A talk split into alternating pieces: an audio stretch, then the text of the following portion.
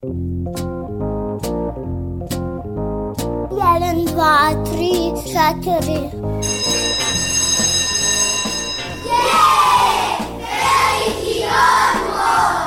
Emisija o obrazovanju i vaspitanju. E, Kad neka vaspitačica kaže da je veliki odmor, onda nešto radite. Jedeš, treniraš, skačeš, julješ se, eto, i tako.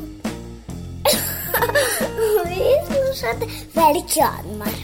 Veliki odmor.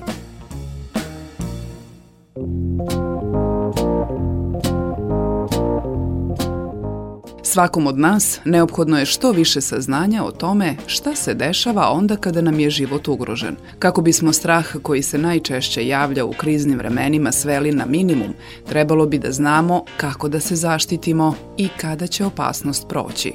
Ja sam Biljana Kuriš, a ovoga puta otkrivamo kako bi trebalo razgovarati sa decom o bolesti i drugim životnim događajima koji imaju obeležje krize.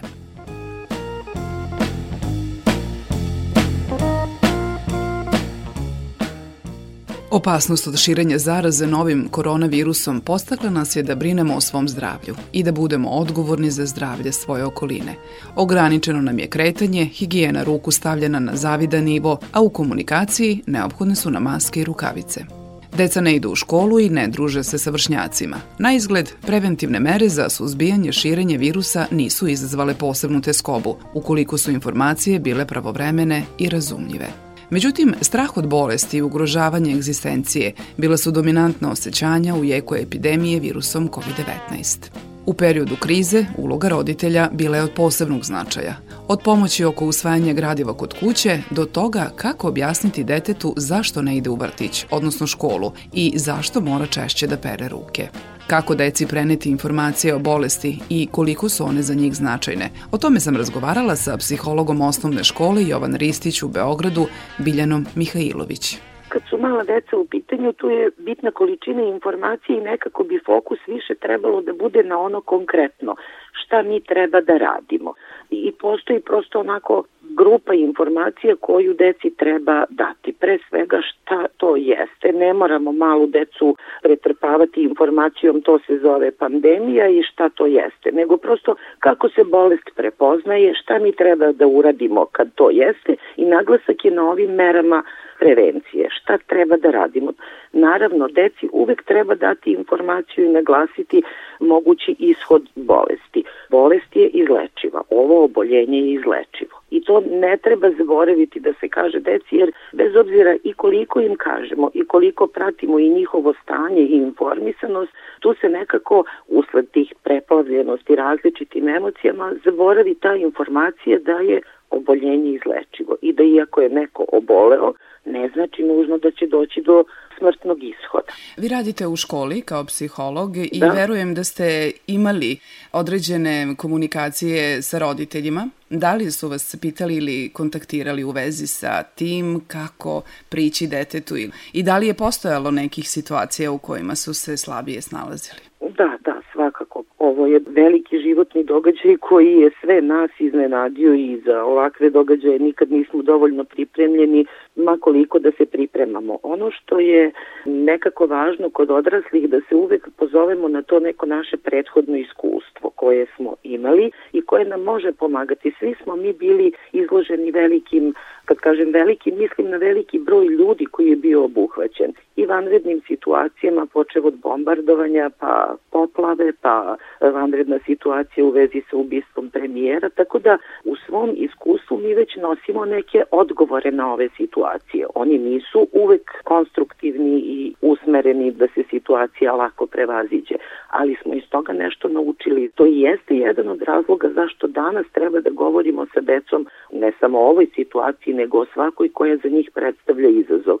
Svako prevazilaženje nove situacije, neke nove situacije, za decu u stvari predstavlja neki kapital koji se gomila u smislu osnaživanja da znamo kako reagovati na situacije. Ono što su se roditelji češće obraćali je upravo bilo to da li i kako da razgovaraju sa decom. Imali su različite strategije od toga ovaj je mali, ali u kući vi obično imate dvoje dece ili troje različitog uzrasta Pa ne možete sad jedno ostaviti bez ikakve informacije zato što mislite da je malo, a sa ovim drugim razgovarati. Tako da strategije su bile od onog brzog tešenja ništa se ti ne brini, ali naravno situacija je trajala. Deca ne moraju da znaju šta se dešava, ali uočavaju da postoji promena na dnevnom funkcionisanju. Ako ništa, oni ne idu u školu, ne idu u vrtić, sad su u kući.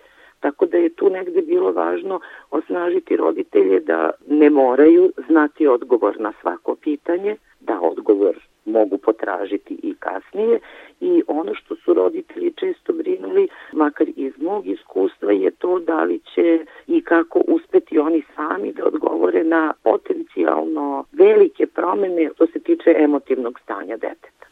Dominantan je strah bio i kod roditelja i negde je velika uloga bila upravo da strahom ne izazovu strah kod svoje da, dece. Da. Negde ste spomenuli da imamo određene zapise o tome kako bi trebalo da se ponašamo u ovakvim životnim okolnostima, odnosno događajima. Napomenuli ste ih nekoliko. Da li je to pravilo i za sledeće?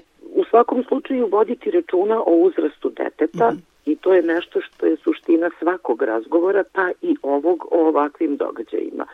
Niti im dati previše, niti umanjiti, jer deca opažaju realnost. Oni vide da nije više onako kao što je bilo. I ono što je dobro i, i što deci u krajnjem slučaju ispunjava i dan, to je pružiti im priliku da budu oni proaktivni, da oni vode računa o tome šta prvo treba da urade, a to je ono da vode računa o, u ovoj situaciji o higijenskim navikama, da ne stavljaju prste u usta, da ne dodiruju lice, da ostaju kod kuće i da, da s druge strane oni sami smisle ili predlože šta oni još mogu da urade. Bilo da je to recimo sad smo imali ovde situaciju da su stari bili posebno izolovani, pa se moglo ponuditi detetu da pozove baku i deku da popriča, znači doprineo je tome da se baka i deka osjećaju dobro, doprineo je tome da vodi računa o mlađem bratu ili sestri, da ne stavlja ako padne igračka, da, da ne stavlja ponovo usta, znači neku aktivnu ulogu dati deci jer oni zaista mogu. I oni time stiču sva ona znanja koja mi kao odrasli jel, imamo i mi smo ih stekli kroz život i suočavanje s različitim situacijama. Evo, vraćamo se u običajnim životnim radnjama. Koliko i takav događaj iziskuje posebnu pažnju? To je nova situacija i izazova. Inače, istraživanja su pokazala da su životni događaji koji nose najveću stresogenost za sve ljude su situacije tragičnog emocionalnog gubitka, to je smrt, pa zatim gubitak fizičkog integriteta, to su ozbiljne bolesti i negde na trećem mestu se svrstava gubitak materijalne sigurnosti.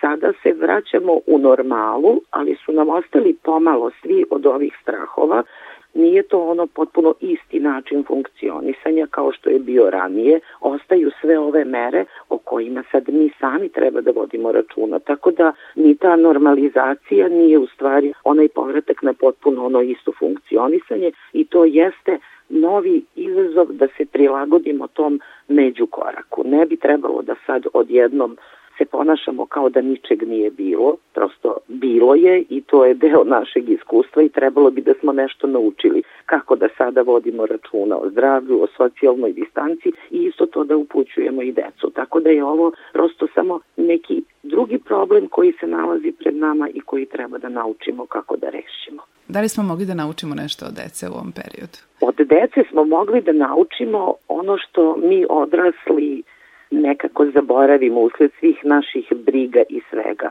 Deca imaju taj ajde tako kažem, stav, ako se tako može nazvati, da, ukoliko ih nismo naravno mi zaplašili, da je ovo nešto što se desilo, što ćemo preživiti i što ćemo ići dalje.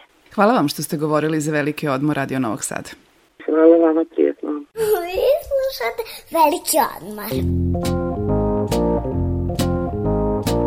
Nastava na daljinu kod pojedinih predmeta nije mogla u potpunosti da bude održana. Osim praktičnih delova, na prvom mestu je nastava fizičkog vaspitanja.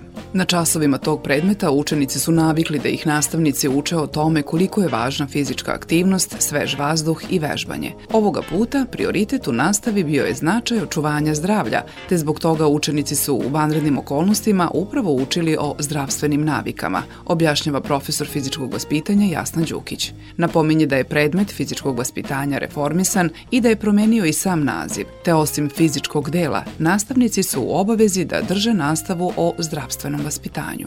Nije akcenat na sadržaju, znači nije najvažnije da li ćemo mi sa decom raditi preskok preko kozlića, ako dete ne može da uradi kozlić ili ako ga nemamo u školi. Ali ćemo ga zato naučiti da preskoči neku prepreku da bi se sutra u prirodi prosto snašlo i moglo da te neke stvari uradi. Ono što je definisano u ishodima za nastavu fizičkog vaspitanja je to da se sve što je naučeno da učenici mogu da primenjuju u vanrednim situacijama.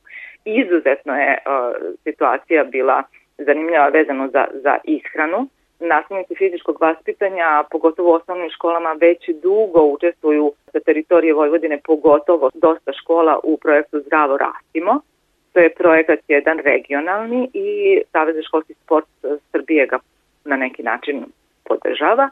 Imamo fenomenalne materijale i baš onako da se ide korak po korak, jer ne možemo od deteta tražiti da napravi jelovnik, ako prethodno sa njima nismo pričali o osnovnim principima zdrave ishrane, o vrstama namirnica, o onome kolika je njihova e, energetska potrošnja, da bi oni mogli da napravi jelovnik i da bi mogli da definišu kako izgleda taj neki zdravi obrok. Deca su se jako dobro snalazila i tako smo definisali i čas po čas prelazila jednu po jednu temu tako da smo došli u situaciju da i od njih dobijemo u vidu nekih domaćih zadataka zaista nešto što nas je oduševilo jer su deca shvatila da je to nešto što je zapravo životno, primenljivo i sa nekom radošću su se time bavili. Slušali ste Veliki odmor Radio Novog Sada.